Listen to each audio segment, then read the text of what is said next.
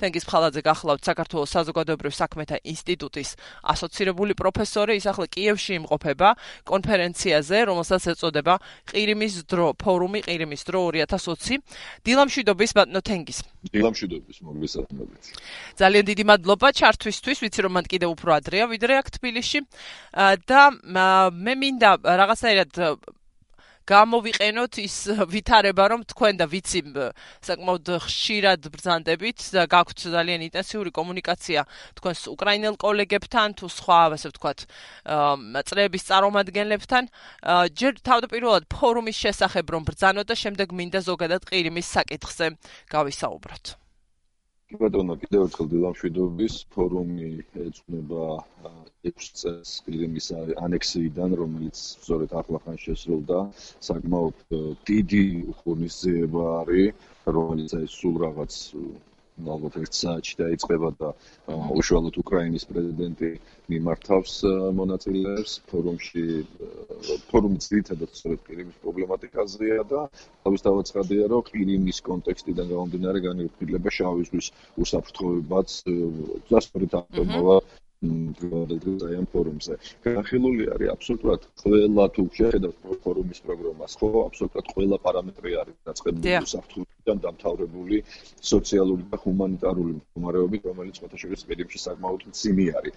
უკრაინელები ხშირად აღნიშნავენ, რომ ბოლო პერიოდში საერთაშორისო საზოგადოების ძალისხმევა და ყურადღების გადართვა მოხდა ძირითადად ლუგანსკზე და დონბასზე, დონბასზე, მაგრამ ნაკლებად არის ყურადღების ქვეშ კრიმში აღწებული ვითარებები. მიუხედავად იმისა, რომ სანქციები არც არჩუნდება და შემდეგ რაღაცა შემგუებლობა თითქოს აღინიშნება, რომ ეს ფაქტი მოხდა და იმის იმისათვის რომ დააფიქსირონ, რომ არასოდეს არ შეეგუებიან ამ ანექსიას და კრიმი ყოველთვის იქნება უკრაინის ნაწილი, ტარდება ეს ფორუმი, იმისათვის რომ კიდევ ერთხელ მიიქციონ საერთაშორისო საზოგადოების ყურადღება და გადაამცე განიხილოთ ყველა ის საკითხები, რაც უკავშირდება როგორც გითხარით საფრთხეებიდან დაწყებული, ეს იქნება ფლოტის, სამხედრო შეიარაღება თვითონ კონფლიქტი, ეკონომიკური ვითარება, სოციალური ვითარება, ჰუმანიტარული დევნილები, ლტოლვილები და ასე შემდეგ.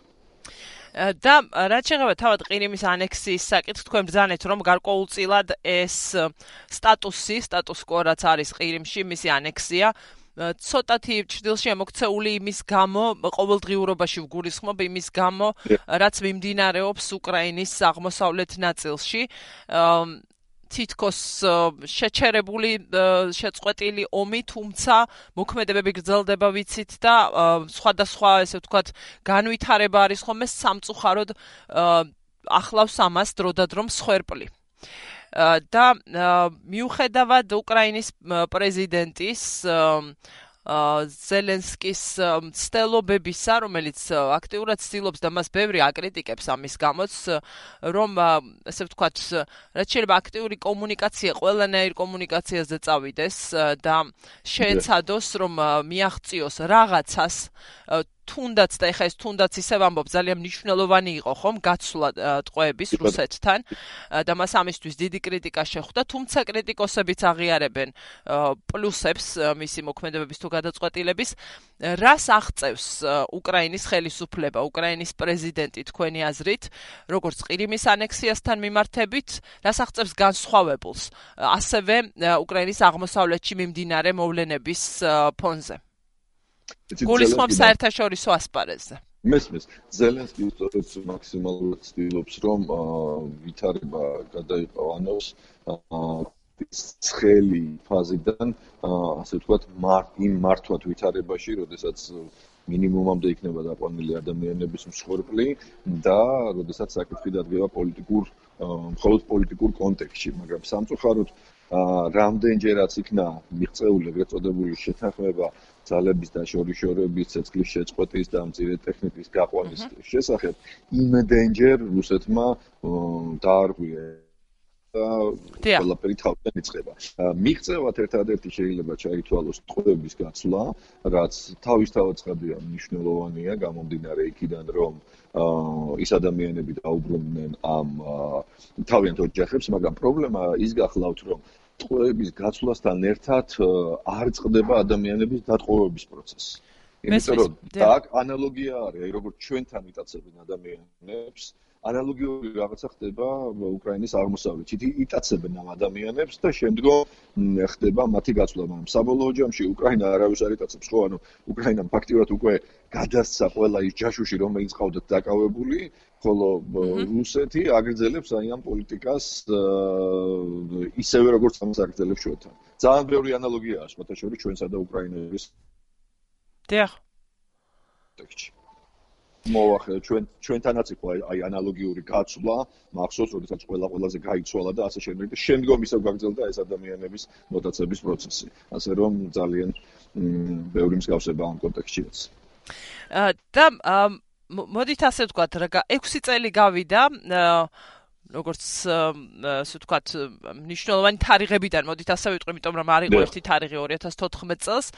კონკრეტულად დღევანდელი ფორუმის კონტექსტში თუ ვილაპარაკებთ ყირიმის ანექსიიდან, იმ პროცესებიდან, რაც წინ უძღოდა ანექსიას, მოდით ასე ვთქვათ, რომ უფრო ზუსტები ვიყოთ, ჯერჯერობით თებერვალია.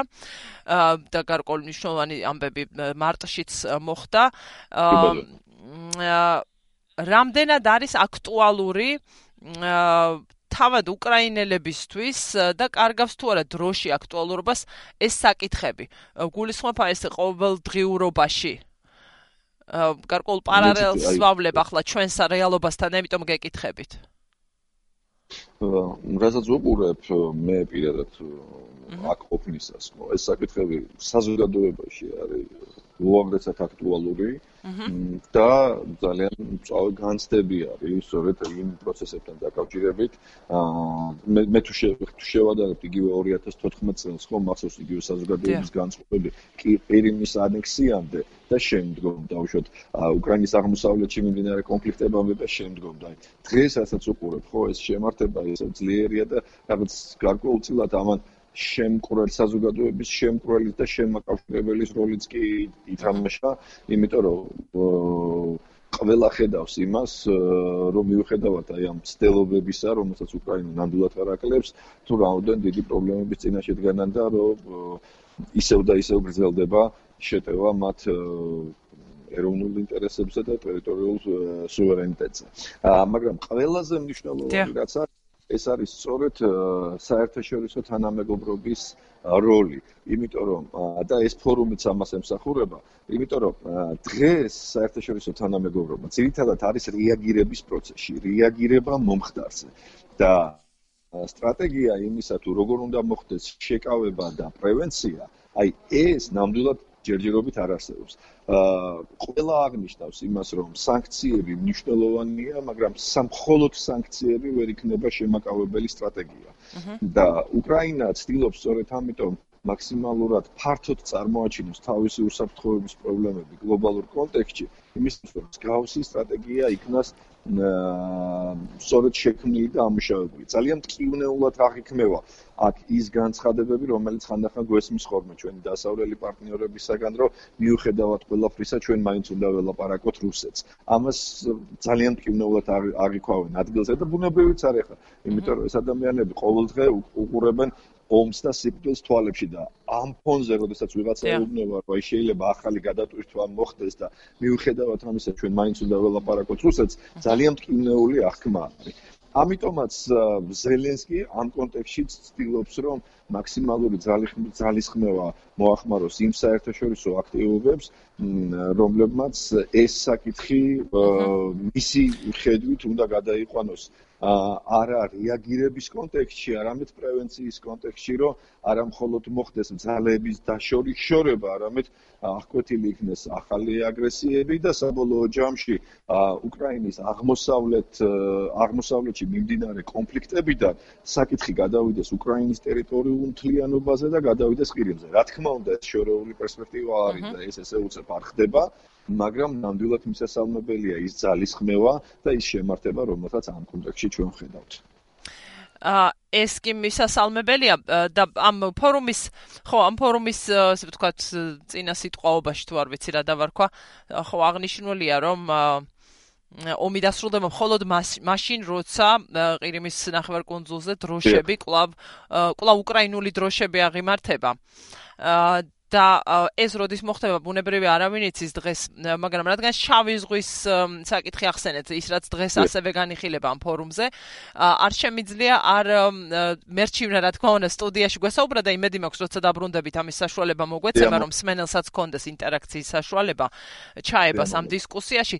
ერთს კი მინდა შევეხვა ის საუბრის დასასრულს რამდენიმე დღის წინ საქართველოს საგარეო საქმეთა მინისტრის ციტატები კომენტარები გამოქვეყნდა Financial Times-ში სადაც ის მოუწოდებს ევროკავშირსა და ნატოს გააქტიურებისკენ კონკრეტულად შავ ზღვაში შავი ზღვის უსაფრთხოებას უსვამს ის ხაზს და ამბობს იმას რომ თუ კი იქნება ეს დეფიციტი შავ ზღვაზე ამას აუცილებლად შეავსებს სხვა ძალა კონკრეტულად რუსეთს ზელაპარაკობს და მოუწოდებს კონკრეტული აქტიური ასე ვთქვათ მოქმედებისკენ შეიძლება ითქვას ნატოსა და ევროკავშირს. არ მინდა რაღაცა ხო ის ზედმეტი არც ზედმეტად შევაფასო ეს განცხადებები ეს არის როგორც წერს Financial Times-ი. მისი ინტერვიუდან ამ გამოცემისთვის მიცემული ინტერვიუდან ციტატები არც გადაჭარბებით მინდა შევაფასო საგარეო საქმეთა მინისტრი ზალკალიანის ეს მაგრამ არც დავაკნინო ეს განცხადებები თქვენ როგორ უყურებთ ამას? რა ხდება აუცილებელია მსგავსი განცხადებების კეთება თავისთავად ცხადია და ყურადღების გამახვილება ხდება ისე ის რასაც აკეთებს უკრაინა იგივეს უნდა ვაკეთებდეთ ჩვენ და ამაში მხოლოდ და მხოლოდ ასე ვთქვათ ჯანსაღ კონკურენციას მივესალმები ხო? და აბსოლუტურად სწორია იქ სადაც დასავლეთი ასუსტებს თავის ყოფნას იმ ადგილს ავტომატურად უკეთ იკავებს რუსეთი. თუმცა აქ მხოლოდ და მხოლოდ მოვიქნებით განცხადებების იმედად, იმიტომ რომ ძალიან მნიშვნელოვანია ქმედებები და აქტიური ქმედებები. აი ამ კონტექსტში ძალიან მნიშვნელოვანია სწორედ ანაკლიის თემა. იმიტომ რომ შავ ზღვაზე იმ პერიოდში, როდის ჩვენი პარტნიორები არიან სტრატეგიის ჩამოყალიბების პროცესში, ჩვენგან შესაძლებელი კარგია, მაგრამ უნდა იყოს რაღაცა, ისი შეთავაზებაც ჩვენ შეგვიძლია ამაზე უფრო აქტიურად, უფრო ინტენსიურად უნდა ვიმუშაოთ. დღეს მართლა ძალიან მნიშვნელოვანია ყველა ის შეთავაზება, რომელმაც შეიძლება გაიშვეროს, ძალიან დიდი ყურადღებით ეკიდებიან ამ ჩვენი პარტნიორები. ისინი თავისთავად ცხადია, აფასებენ საქართველოს ძალისხმევას, საქართველოს პოლს, ადგილს, ამას ყველაფერს, მაგრამ ჩვენგან არის აუცილებელი კიდე უფრო მეტი აქტიობა. და ისე უკრაინის კონტექსტს უბრუნდები კონკრეტულად ჩვენ რადიო თავისუფლებას არაერთმა რესპონდენტმა და ეს ბოლო შეკითხვა იქნება უბრალოდ ბევრი საკითხია და რაღაცები მენანება რომ დღეს არ დავსვათ.